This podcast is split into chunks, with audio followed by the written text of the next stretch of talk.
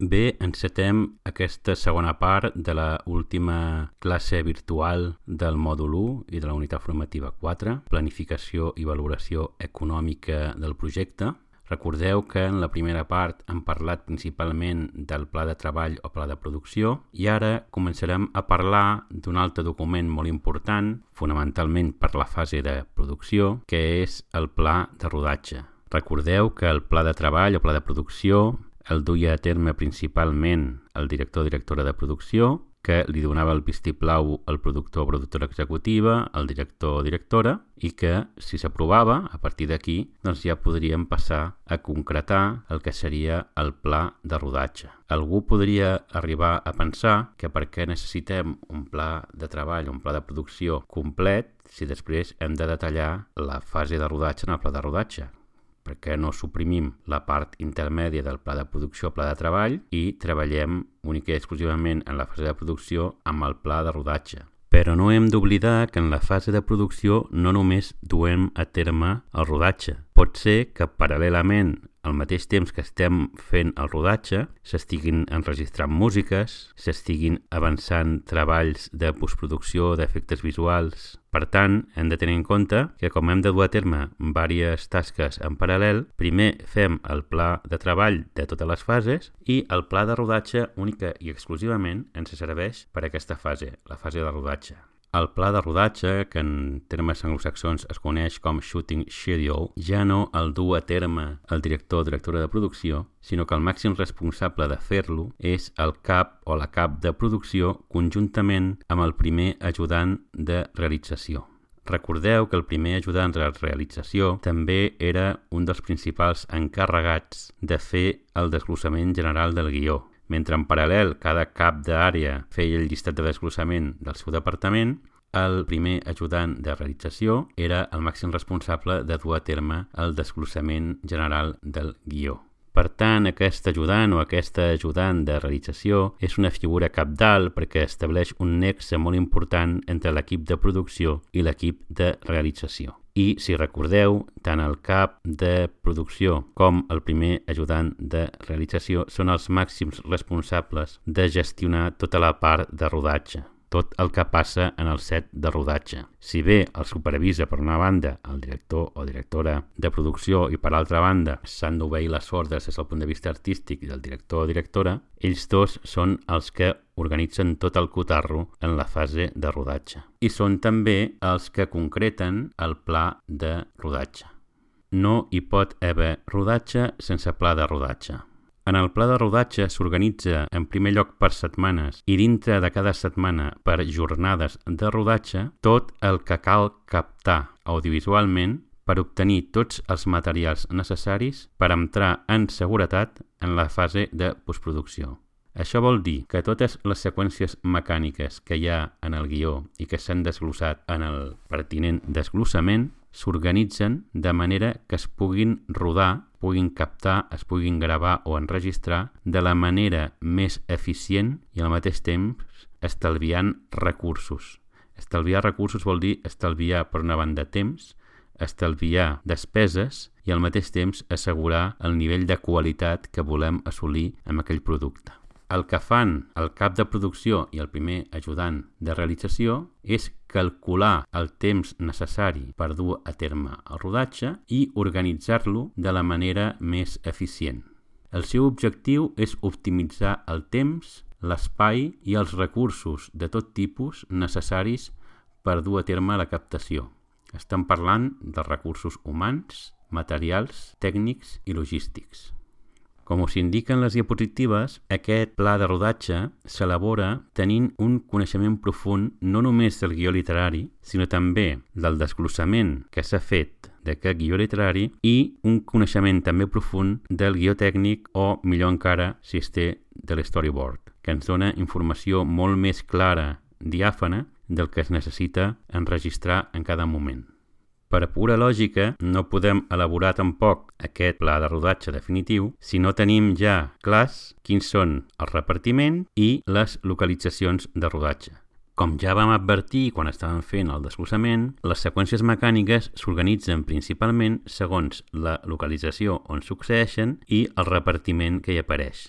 I això és el que estem dient ara mateix. Si no sabem quines són les localitzacions reals i el repartiment real, no podrem saber si aquell actor o aquella actriu està disponible o no està disponible, etc. És a dir, que fins que no tenim ja assegurat el càsting de la producció, sabem amb noms i cognoms cadascun dels actors, actrius, figurants, i no tenim ja assegurades totes les localitzacions quines són i on estan, difícilment podrem organitzar el rodatge, perquè si no sabem si han d'anar a rodar a una piscina a Cadaqués o a Cullera, difícilment podrem organitzar el rodatge en aquella piscina. Us poso aquest exemple, com us podria posar molts altres. Val? No sabem si acabarem rodant a la Biblioteca Nacional de Catalunya o acabarem rodant a el Casino de Sitges. Doncs, evidentment, fins que no sabem exactament quina és la localització on es rodarà cada seqüència mecànica, no podem tampoc perfilar de manera clara quin serà l'ordre d'aquest rodatge, és a dir, el pla de rodatge setmana a setmana, jornada a jornada. A base de treball i d'experiència, aquest cap o aquesta cap de producció i aquest ajudant o aquesta ajudant de realització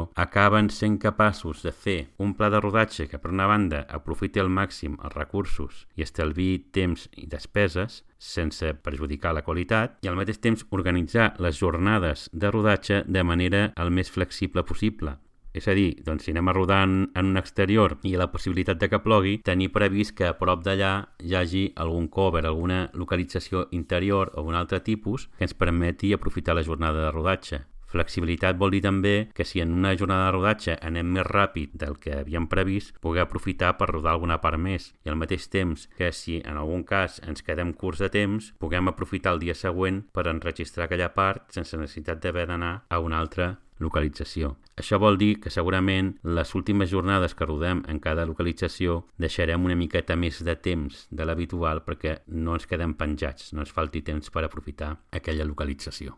A la onzena diapositiva teniu un exemple de pla de rodatge també seguint el model de tires, que és el més semblant que trobareu a l'exemple que hem vist abans de pla de producció pla de treball. En aquest cas estaríem parlant no de pla de producció pla de treball, sinó que estem parlant d'un exemple de pla de rodatge. Fixeu-vos que s'utilitzen també les tires aquest és un model també basat en la vella escola, quan es feia el pla de rodatge també sobre un panell, sobre un suro o un mural, s'enganxaven tires, es canviaven de lloc si era necessari i utilitzant un codi de color. En aquest cas, quan es tracta de rodar en interiors dia s'utilitza el blanc, no s'utilitza cap color, quan és interior nit s'utilitza el blau, el groc quan és exterior dia, el verd quan és un exterior nit i es diferencia quan es roda a la sortida del sol de color rosa i en color ataronjat quan es roda al capvespre a la posta de sol. Aquest és un possible codi de color a utilitzar Fixeu-vos que s'organitza tot per jornada de rodatge. En el cas del pla de treball teníem setmanes i dintre de cada setmana un, un dia, una jornada de rodatge. Aquí podem dividir en diferents columnes la seqüència mecànica que cal rodar dins de la mateixa jornada de rodatge. Aquesta és una manera interessant d'organitzar el pla de rodatge per poder-lo veure'l d'una sola ullada, veiem tot el panell i ràpidament podem veure quantitat de seqüències per jornada. Fixeu-vos, la primera jornada de rodatge comencem amb dues seqüències en exterior dia i després ja tenim exterior nit, mentre que la segona jornada de rodatge rodem sempre de nit. Això ens ho podem veure molt clarament. Mentre que la tercera jornada de rodatge comencem rodant a la sortida del sol, rodem un interior dia i acabem rodant un interior nit. Què és interessant d'això? Doncs que podem veure si realment estem organitzant bé el rodatge, si estem aprofitant el moviment normal del sol, o sigui, la sortida i posta de sol. Ja veureu a segon curs, que és molt recomanable, per exemple, que quan organitzem el pla de rodatge, una de les coses que hauríem de fer és intentar no fer canvis bruscos d'horari en el personal, en els recursos humans, tant tècnics com artístics. És a dir, que si hem de rodar diverses seqüències de nit, intentarem fer-ho consecutivament, perquè així ens assegurem que cada dia els sectors i els tècnics dormiran de dia. En canvi, si rodem un dia de dia, l'altre de nit, l'altre següent de dia, els estem tornant una mica bojos, els hi trenquem el bioritme i a més a més no rendiran tant com podríem rendir habitualment. Abans de comentar la resta de documents que teniu relacionats amb el pla de rodatge, o que deriven d'aquest pla de rodatge, que estan íntimament relacionats amb ell, passem a la diapositiva número 13 en què veiem quins criteris utilitzem per organitzar les seqüències. Abans de res, recordar, com vam veure quan fèiem el desglossament, que les pàgines de guió literari es divideixen en vuitens. És a dir, que cada pàgina de guió es pot dividir en vuit parts. En general, s'intenta rodar de 3 a 4 pàgines de guió per jornada de rodatge cinematogràfic en cinema. En telenovel·les i sèries televisives d'emissió diària es pot intentar rodar fins a 10 o 11 pàgines de guió per jornada de rodatge però que és ficció cinematogràfica o una sèrie, doncs s'intenta rodar aproximadament això, 3-4 pàgines de guió, potser una mica més per una sèrie. Però, evidentment, aquesta rapidesa de rodar està íntimament relacionada amb la complexitat de cada seqüència. Amb això vull dir que quan fem el desglossament i deixem clar el que dura cada seqüència sobre guió, doncs una pàgina i dos vuitens, dos vuitens de pàgina, ja estan donant pistes de si podem rodar-ho amb la meitat d'una jornada, si necessitem una jornada o més per rodar-ho. Per tant, aquesta és una informació rellevant. I per això, justament, aquesta informació apareix en el pla de rodatge, en les seves diferents versions, també amb la que acabem de veure.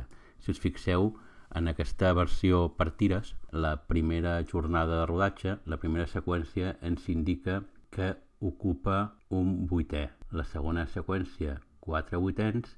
La tercera seqüència, 3 vuitens. En aquest cas no estem arribant a la mitjana de 3 pàgines per jornada de rodatge, però fixeu-vos que estem condicionats pel canvi de llum, perquè estem rodant en un exterior dia i hem de rodar en el mateix exterior però de nit. Per tant, estem supeditats, en aquest cas, al canvi de llum.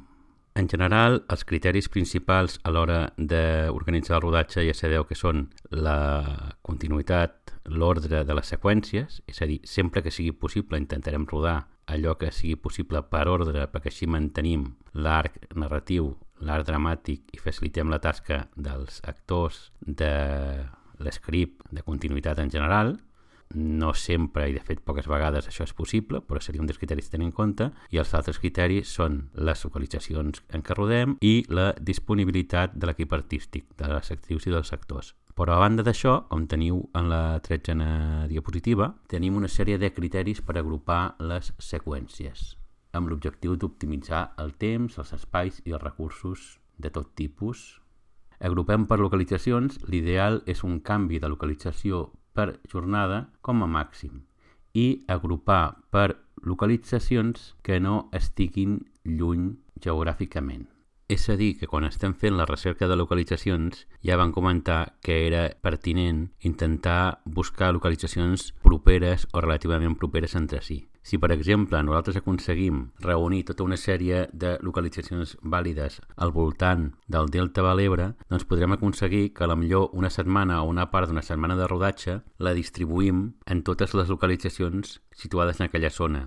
De manera que no caldrà fer grans trasllats dintre d'una jornada de rodatge ni cada jornada de rodatge, sinó cada setmana o cada conjunt de dies. Quan hem acabat de rodar en una zona, ens traslladem a una altra zona i allà intentem rodar en diverses localitzacions properes, i així successivament. I aquest seria un dels criteris a utilitzar a l'hora d'organitzar el pla de rodatge. Però, és clar, per poder-ho aconseguir, prèviament hem hagut de fer bé la feina en la fase de scouting, de recerca de localitzacions.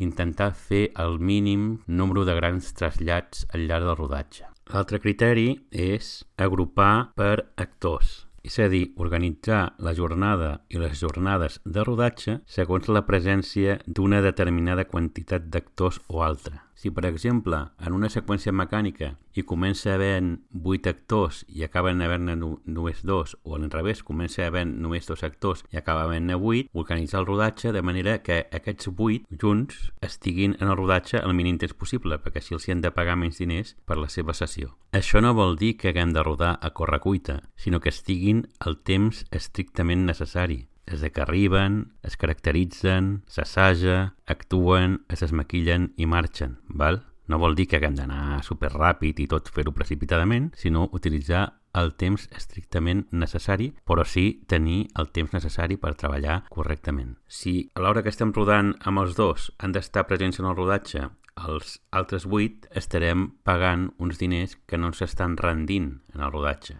Agrupar per actors no vol dir només tenir en compte això per organitzar l'interior de cada seqüència, sinó que, llegint el guió i els fulls de desglossament, tenir en compte en quin número de seqüències mecàniques apareixen els mateixos actors, de manera que intentarem, sempre que sigui possible, rodar-les en continuïtat, de manera que quan acabem de treballar un determinat actor el puguem acomiadar del rodatge i no haver-lo de fer treballar més en el nostre projecte. És a dir, intentar evitar que treballem la primera setmana dos dies amb aquell actor, la setmana següent dos dies, la tercera setmana tres dies. Si podem agrupar el rodatge amb aquell actor o amb aquells actors que coincideixen en les mateixes seqüències en continuïtat, ho, farem. Quan no sigui possible, doncs no tindrem més remei que anar-lo contractant espaiadament, però intentarem evitar-ho no contractar més temps del compte als actors i les actrius, això ens obliga a fer una mica d'encaje de bolillos i aprofitar al màxim la seva presència. Aleshores, intentarem que si en una jornada podem rodar una part amb més actors i l'altra amb menys actors, serà molt millor que tenir contractats a tots els actors tota la jornada. Per poder fer això, a part, depenem de la disponibilitat d'aquests actors, clar.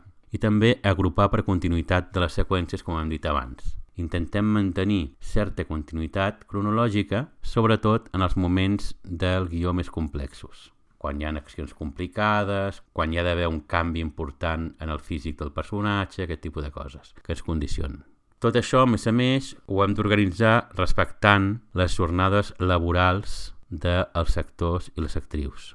El curs vinent ja veureu que podem treballar a jornada continuada o a jornada partida, que els menors tenen una reducció de jornada, que a més a més no poden treballar en horari nocturn, que a més a més hi ha una certa lògica en l'elecció de l'horari quan hem de treballar de nit, etc etc. Però això ja ho veurem el proper any. En qualsevol cas, tinguem en compte que quan organitzem el pla de rodatge hem de respectar la legalitat dels convenis col·lectius, l'Estatut dels Treballadors i tota la legislació en matèria laboral que ens afecta. A banda, evidentment, de tota la legislació en matèria de prevenció de riscos laborals que no ens podem saltar per anar més ràpid. Com hem dit abans, el temps per il·luminar és molt important. Com més complexa sigui la il·luminació, més temps haurem de reservar aquest afer i això ens farà allargar la jornada de rodatge o, en el pitjor dels casos, ens impedirà rodar tantes hores com necessitem. Això cal sumar tots els assajos tècnics, el temps que triguem en plantar càmera, enquadrar, fer les proves tècniques, depenent de la complexitat d'un moviment de càmera, de la il·luminació, doncs això es pot allargar molt o poc la composició del quadre, si és molt o poc complex, no és el mateix haver de composar un quadre en què hi hagi 20 personatges, que sigui una presa coral, que hi hagi un sol personatge i sigui un pla tancat, val? tot això influeix evidentment en el temps que hem de trigar en preparar plano. Normalment, quan també veureu més detall el proper curs, doncs el que intenten fer els realitzadors és primer rodar tot el que té a veure amb una part del set i només canviar la posició de la càmera quan comencem a rodar una altra part del set. És a dir, que si cal rodar primer tots els plans i després tots els contraplans a l'altra part, ho farem així. El que no es pot fer és moure la càmera per cada canvi de pla. És a dir, fem el pla de la dona que diu una cosa, Girem la càmera i fem el pla del senyor que li contesta.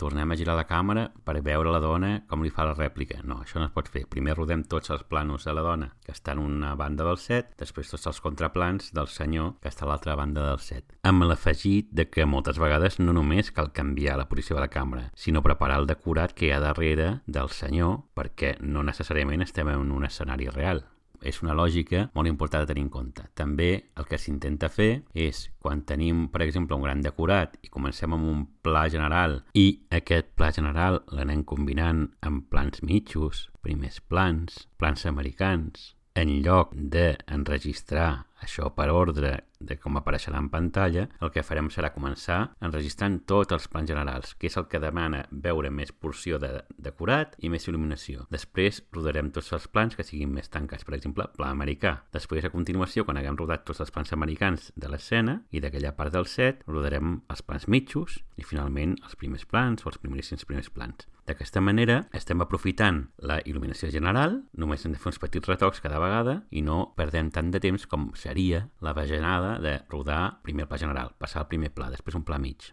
Val? Seria una pèrdua de temps i, per tant, també de diners. A més a més, aquesta pràctica d'anar des del pla més obert al pla més tancat, el que també es permet és anar retirant ja part del decorat, anar a guanyar temps, que no hagi de treballar tanta gent tota la jornada, perquè tota la gent que necessitem per il·luminar i per mantenir el rodatge en un pla general no és la mateixa que necessitem per un pla mig o primer pla, amb la qual cosa hi ha gent que ja pot acabar la jornada abans de que acabi tothom. I d'aquesta manera no han de pagar jornada sencera, que li puguem pagar mitja jornada i aquest tipus de coses. Això implica, evidentment, un esforç interpretatiu per part dels actors, les actrius, però són professionals de la interpretació i per això els hi peguem un sou. Però el que no podem fer és primer il·luminar tot el set, després una part, després tornar a il·luminar tot el set. Totes aquestes eleccions, que ja les fa de per si el cap de fotografia, l'operador de càmera, doncs faciliten el rodatge, impedeixen que hi hagi temps morts, pèrdua de temps si en una mateixa jornada hi ha canvis de vestuari, maquillatge, perruqueria, cosa que intentarem evitar, doncs també cal comptar amb el temps necessari per fer tot això. Però de vegades no tenim més remei que fer aquests canvis perquè no tenim una altra manera de quadrar el rodatge. Si és així, hem de comptar amb aquesta necessitat. Aleshores, intentarem fer coincidir, per exemple, el canvi de vestuari amb el canvi d'il·luminació i així avancem en paral·lel en dues tasques de temps mort, entre cometes. Una altra raó per la qual tampoc podem ser extremadament avars i escatimar temps és perquè hem de tenir en compte que en determinades circumstàncies és probable que es produeixin imprevistos o problemes.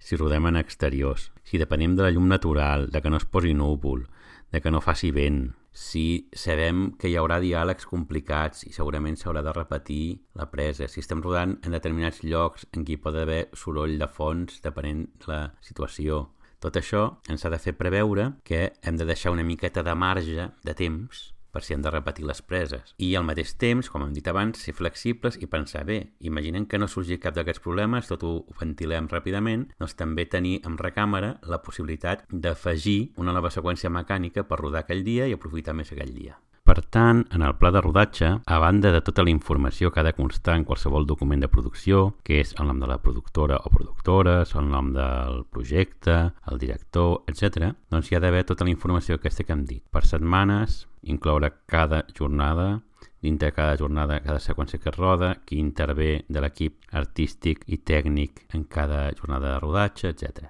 La versió aquesta de sistema de tires és molt bona per tenir-la en el panell i veure-la ràpidament, però hi ha altres tipus de presentació que ens poden resultar més útils a nivell de visualitzar la informació amb més detall. Per exemple, fixeu-vos en el document que us han penjat en la carpeta del Moodle, un altre tipus de pla de rodatge, que, per exemple, per un curtmetratge o per una producció que no sigui especialment complexa, pot resultar força útil. En l'encapçalament inclouríem tota la informació que hem dit sobre la productora, el projecte, qui dirigeix el projecte, i a partir d'aquí s'indica jornada per jornada dates concretes, val? aquest és un model, s'hauria d'emplenar, s'hauria d'adaptar.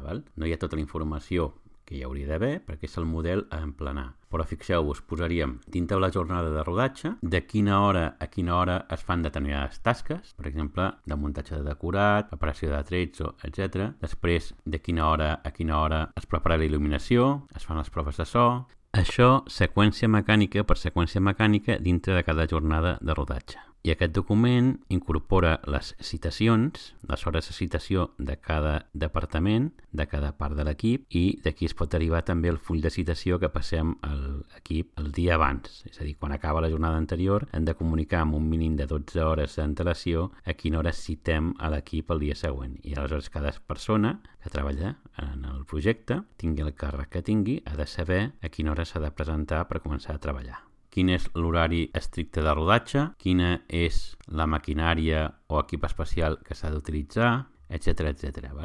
Aquest és un model que evidentment està buit. No hem de confiar en que l'única informació que hi ha és la que tenim en aquest model. L'heu d'adaptar a la vostra mida. Però en qualsevol cas, si us fixeu en la tercera columna, el que sí que és interessant és que ens indica en quina hora comencen a treballar cada equip i fixeu-vos en la part final, després de rodatge, ens incorpora la part de wild track, és a dir, que han de deixar un temps prudencial perquè l'equip de so pugui enregistrar els ambients, el so de l'habitació en silenci i, si cal, doncs altres efectes ambient aprofitant que hi hagi figuració si han de fer, per exemple, aplaudiments, crits, aquest tipus de coses.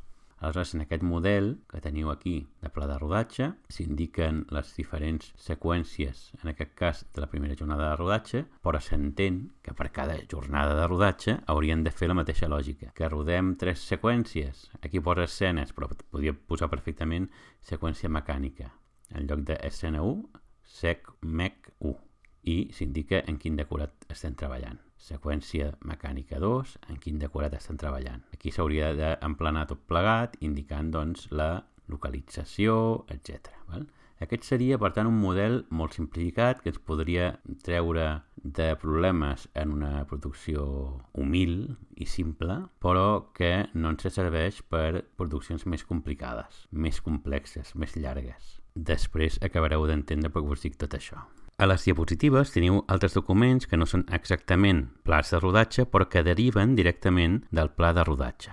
A la diapositiva número 9 teniu el pla cronològic o esqueleta, que també en anglès s'anomena running order, en què s'indiquen les seqüències mecàniques ordenades i numerades amb la informació de la capçalera del que seria el pla de rodatge. S'indica quina és la seqüència, quins efectes, si és dia o nit. Quan parlem d'efecte, en aquest cas, és si és dia o nit. Una breu sinopsi del que passa en aquella seqüència, quins són els artistes, actors que apareixen, i quina és la localització. I d'aquesta manera, molt ràpidament, veient aquests encancel·laments, ens fem una idea de si ens estem movent molt o poc. Aquest document mm, es fa directament o si utilitzem software programari específic per producció, el que us he comentat abans, el Movie Magic, doncs això ho podem crear automàticament, perquè nosaltres fem el pla de rodatge i després podem donar, l'ordre de tenir només el llistat elements i se'ns crearia aquest eh, document. Per això les productores utilitzen aquest tipus de, de programes. No necessàriament ha de ser el Movie Magic, pot ser un altre, però diguem que aquest seria com un dels més populars. A la següent diapositiva, la diapositiva 10, teniu el pla per ordre de rodatge, que és semblant al que acabem de veure, però no seria exactament així, en el pla per ordre de rodatge, o scriptboard, el que veiem és per cada jornada de rodatge, doncs, quines seqüències per encapçalament, per localització i altres informacions, una informació bàsica del que estem rodant cada jornada de rodatge. No és el pla de rodatge exactament, no hi ha tota la informació que hi hauria en el pla de rodatge, però sí que ens dona aquesta informació bàsica per ordre, repeteixo, de rodatge, des de la primera setmana i la primera jornada fins a la última. I aleshores tenim que, en aquest cas, la primera jornada, que és un 22 de maig, es comença el rodatge rodant la seqüència mecànica 8, després la 9, després la 12 i així successivament. Aquesta també és una informació, un document que perfectament el podrien derivar a través d'un programari específic de producció o si no l'hauríem de crear nosaltres a partir d'un document nou, però si tenim un programari és molt més fàcil. I això seria similar al que tindríem a la diapositiva 12. En qualsevol cas, tornem a la primera diapositiva que hem vist, que és la, la 11, la del sistema de tires, que és la que tindria més informació en aquest cas, val? Que us pot servir de guia. Per una banda us indica tot l'encapçalament, a la part de baix tots els actors i actrius que apareixen. Podríem afegir el personal tècnic més avall, val? perquè aquí tenim un fragment, no tenim tot el pla, com passa amb tots els documents de producció, el pla de rodatge no es fa una vegada i és que inamovible. Evidentment, s'ha d'anar modificant conforme hi ha diferents canvis al llarg del rodatge fins a arribar al pla de rodatge definitiu, que és el que s'anomena el pla rodat, que només es pot obtenir una vegada ha finalitzat el rodatge i que ens confirma com ha anat el rodatge. Com més s'assembli el pla rodat al pla de rodatge que han fet en la fase de preproducció immediata, millor. En qualsevol cas, què és important veure en el pla de rodatge? Doncs per cada jornada de rodatge, número de seqüències que rodem, quins actors i actius apareixen i quin personal tècnic entra a treballar, quines tasques s'han de fer i en aquest sentit hem de tenir en compte no només la fase de rodatge, sinó des de que s'arriba, es munta el set, s'il·lumina, es fan els assajos. És a dir, tot el que necessitem tenir aquella jornada de rodatge per dur endavant el rodatge. Tot això ja veurem que es concreta molt més en l'ordre de treball diari en què inclourem totes les citacions del personal. Però en el pla de rodatge hi han de preveure doncs, el que necessitem per rodar aquella jornada, tot plegat organitzat per setmanes de rodatge i dintre de cada setmana cada jornada. I dintre de cada jornada les diferents seqüències que necessitem per rodar cada seqüència mecànica. A quina hora tenim previst començar i a quina hora tenim previst acabar, per poder planificar les contractacions, les jornades, etc. Aleshores, com us he anat repetint, això pot ser relativament senzill en una producció de petit format, en un curtmetratge, en un spot publicitari, en un videoclip que no tingui massa complicació, però quan parlem de llargmetratges, i a més a més quan parlem de llargmetratges d'una certa envergadura, una certa complexitat, hem de tenir en compte que moltes vegades, en primer lloc, no rodem amb una sola unitat. Haureu vist en molts crèdits de sèries i de pel·lícules que, a part del càsting principal i de l'equip tècnic principal, apareixen crèdits com primera unitat de rodatge, segona unitat de rodatge, fins a tenir-ne vàries. Val? Una pel·lícula, per exemple, que roda a varis països, doncs necessitarà aquest tipus de recolzament o una pel·lícula bèl·lica o de molta acció en què necessitarem varis equips rodant al mateix temps. Això que vol dir que en el pla de producció, pla de treball, hem hagut de preveure aquesta feina en paral·lel, distribuir-la amb el nostre diagrama de Gantt de manera adequada perquè tothom hagi acabat la feina puntualment en el moment precís perquè es pugui després muntar la pel·lícula sense problemes. Però fins i tot quan no estem treballant amb moltes unitats de rodatge, ens trobem que necessitem anar fent tasques en paral·lel. Vam dir que la gestió d'un permís per una localització, per una, una autorització per una localització, acostuma a ser d'una mitjana de 15 dies. Això vol dir que conforme haguem d'anar autoritzant les diferents localitzacions, amb un mínim de 15 dies d'antelació hem d'estar tramitant tot això. Això també ha de constar en el pla de producció, el pla de treball, i afecta el pla de rodatge. Si nosaltres no hem fet la tasca, quan anem a rodar en allà no podrem rodar i se'ns en va en l'aire el que havíem previst per aquella setmana o aquelles jornades de, de rodatge. Si en una localització, a part d'això,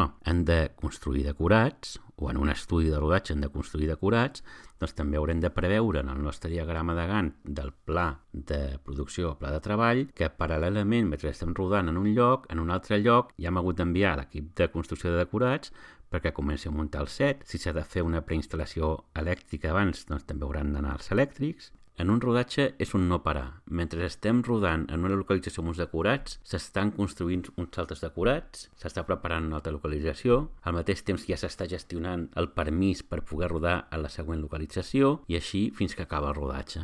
Per tant, hem de tenir en compte que hem de gestionar moltes tasques en paral·lel i si no tenim el pla de rodatge molt ben organitzat i prèviament no hem fet el pla de producció, el pla de treball molt ben organitzat, serà difícil que puguem controlar tot això. Aleshores, en el pla de rodatge, el que incloem és tot el que està relacionat única i exclusivament en cada setmana i cada jornada de rodatge. Però, paral·lelament, hem de continuar utilitzant el pla de treball o pla de producció per totes les tasques en paral·lel que s'han de realitzar i que són també necessàries, moltes d'elles, per dur endavant el rodatge, com la gestió d'autoritzacions, construcció de decorat, emmagatzematge de materials, etc. I hem de tenir en compte que de vegades haurem de treballar paral·lelament en diferents plans de rodatge, perquè si una unitat de producció està rodant, posant per cas, paisatges a la muntanya, mentre l'altra unitat de producció està rodant escenes submarines i la unitat principal continua el rodatge amb els sectors, doncs si estan rodant en paral·lel, cada unitat haurà de tenir el seu pla de rodatge, que evidentment haurà sorgit també del pla de treball o pla de producció. Doncs bé, a partir del que indica aquest pla de rodatge, un segon ajudant de producció, que normalment realitza tasques a oficina, redacta l'ordre de treball diari per cada jornada de rodatge. Ho fa, evidentment, supervisat i sota les ordres del cap de producció i del primer ajudant de realització i a més a més ho fa tenint en compte les variacions que es puguin detectar en els informes de producció de la jornada anterior. Si hi ha canvis, doncs s'hauran d'incloure en aquesta ordre de rodatge, que en anglès s'anomena call sheet. En aquesta ordre de treball diari, també a vegades s'anomena ordre de rodatge, s'ha d'indicar el treball previst per cada jornada de rodatge, des que comença fins que acaba. I a diferència del pla de rodatge, que es fa abans d'iniciar el rodatge, aquesta ordre de rodatge o ordre de treball diari es redacta cada dia que dura el rodatge. Abans de començar la primera jornada hi ha la primera ordre feta, durant la primera jornada es redacta l'ordre de treball diari per la segona jornada i així successivament. Per tant, és una mena de bíblia, tot el personal de recursos humans implicat en la jornada de rodatge ha d'accedir a una còpia d'aquesta ordre, perquè, entre altres coses, s'indica a quina hora comença a treballar,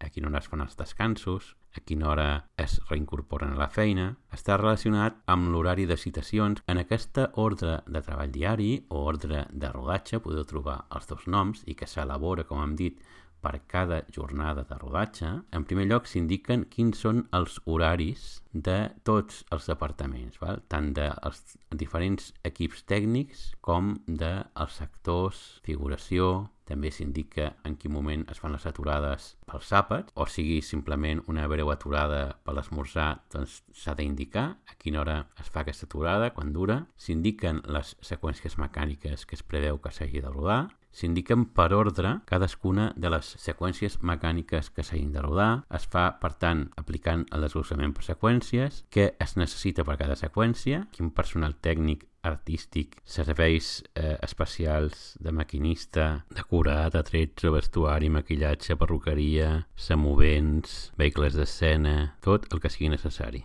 I això és importantíssim tenir-ho clar. Tot el que no hi ha en l'ordre de treball diari o ordre de rodatge no estarà en el rodatge. Si cal que hi hagi un matalàs perquè cau un especialista des d'alçada i no hi ha matalàs, no hi ha matalàs, s'aturarà el rodatge. Si cal que hi hagi un gat que té el protagonista de la pel·lícula i no han portat el gat, s'aturarà el rodatge. Una ordre de treball diari mal feta és un desastre pel rodatge.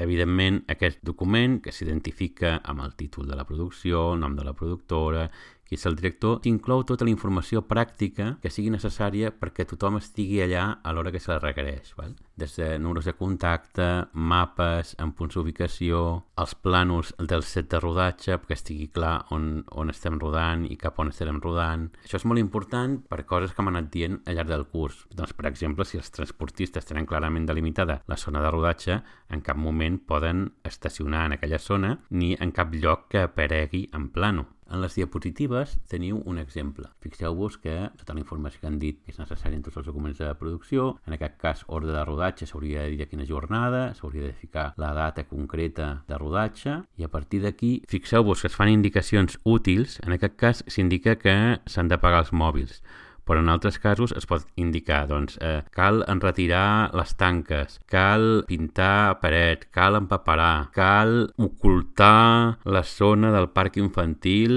amb petits arbustos, cal penjar una cortina en una finestra de la tercera planta. El que sigui necessari s'haurà d'indicar. A partir d'aquí s'indica per ordre les seqüències de rodatge, la seva numeració, si és interior o exterior, l'efecte, si és dia, nit, alba o, o posar posada de sol, la localització, en una petita línia doncs, una breu sinopsi del de que passa en aquella seqüència mecànica, s'indica en aquest cas mitjançant una numeració per la manca d'espai no es posa el nom, s'indica el número d'actor, recordeu que hi ha els llistats, ho vam veure això en la unitat formativa anterior, que es fan els llistats de càsting, aleshores en aquest cas doncs, l'actor o l'actriu número 1, la número 5 seria la primera seqüència, es dona informació de l'època de l'any i fins i tot de l'any en què passa l'acció, que, que és rellevant i s'indica, es podien indicar altres qüestions, no? doncs que un sagna pel nas, per exemple. A la part de baix s'indiquen, per una banda, el nom dels sectors i les actius que han de compareixer, els personatges que interpreten, en quines seqüències apareixen uns i altres, i fixeu-vos, després hi ha horaris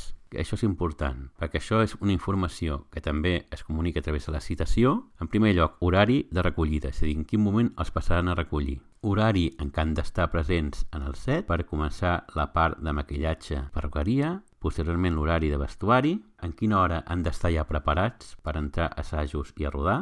En aquest cas s'indica també les localitzacions, que en aquest cas és només una, però fixeu-vos que podria ser més una localització. Si continueu, a la següent pàgina, continua perquè es vegi millor. Hem dividit l'ordre de treball diari i l'ordre de rodatge en dues parts, la part de dalt i la part de baix, en dues diapositives. Doncs en l'última diapositiva teniu la part de la figuració espacial i figuració en general, a quina hora també han d'estar presents, a quina hora passen per vestuari, etc. A la part de sota s'indica tota la citació de l'equip tècnic, a quina hora d'arribar el director, l'equip de direcció, l'equip de producció, l'equip de so, l'equip de maquinistes. El fet de que estigui una sota l'altra no necessàriament indica que arribin per aquest ordre. producció posa OP, vol dir que han d'estar allà per obrir la localització, val? al principi de tot. Mentre que el director pot arribar a les 10, els maquinistes han d'estar una mica abans, a tres quarts de 10, perquè han d'estar ja preparats per quan arribi el director, si ha de, fer, si ha de donar ordres ja puguin començar a treballar i així paulatinament. Val? Que vestuari i perruqueria sempre arribarà abans que els sectors. Els sectors només arribaran quan ja estiguin instal·lats l'equip de maquillatge, perruqueria i vestuari, perquè si arribessin abans estaríem perdent el temps inútilment, perquè no podríem fer res, no es podrien maquillar. Seria una pèrdua de diners per la producció i una pèrdua de temps pels sectors. A la part de baix s'indica tota la informació, en aquest cas, sobre els diferents departaments implicats i el que han de fer. S'indica que decoració de tretzo han d'ambientar la seqüència 10, que els vehicles també són necessaris, en aquest cas un vehicle, un cotxe de policia a la seqüència 10, vestuari... Per tant, en aquesta ordre de rodatge, que en aquest cas en teniu una bastant simplificada, tot s'ha de dir, hi ha tota la informació necessària per saber què cal fer durant tota la jornada de rodatge. A la carpeta de models de document de Moodle trobareu un altre exemple d'ordre de treball o ordre de rodatge que també us pot resultar útil. Però en qualsevol cas el que és important és entendre la filosofia de tot això. Nosaltres creem ja des de la fase de preproducció un pla de treball o pla de producció, del qual s'aniran derivant tota la resta de documents de control i supervisió per part de la producció al llarg de tot el projecte, i del pla de rodatge es van desprenent les successives ordres de treball diari o ordres de rodatge. El pla de producció o pla de treball, el màxim responsable de fer-lo és el director o directora de producció, els màxims responsables de fer el pla de rodatge són el cap de producció, que recordeu que és el màxim representant de producció en el rodatge, i el primer ajudant de realització, i a partir del que indiquin aquests dos, cada dia, cada jornada de rodatge, un segon ajudant de producció redactarà l'ordre de treball diari o ordre de rodatge. Sense pla de treball no hi ha pla de rodatge, sense pla de rodatge no hi ha ordre de treball diari.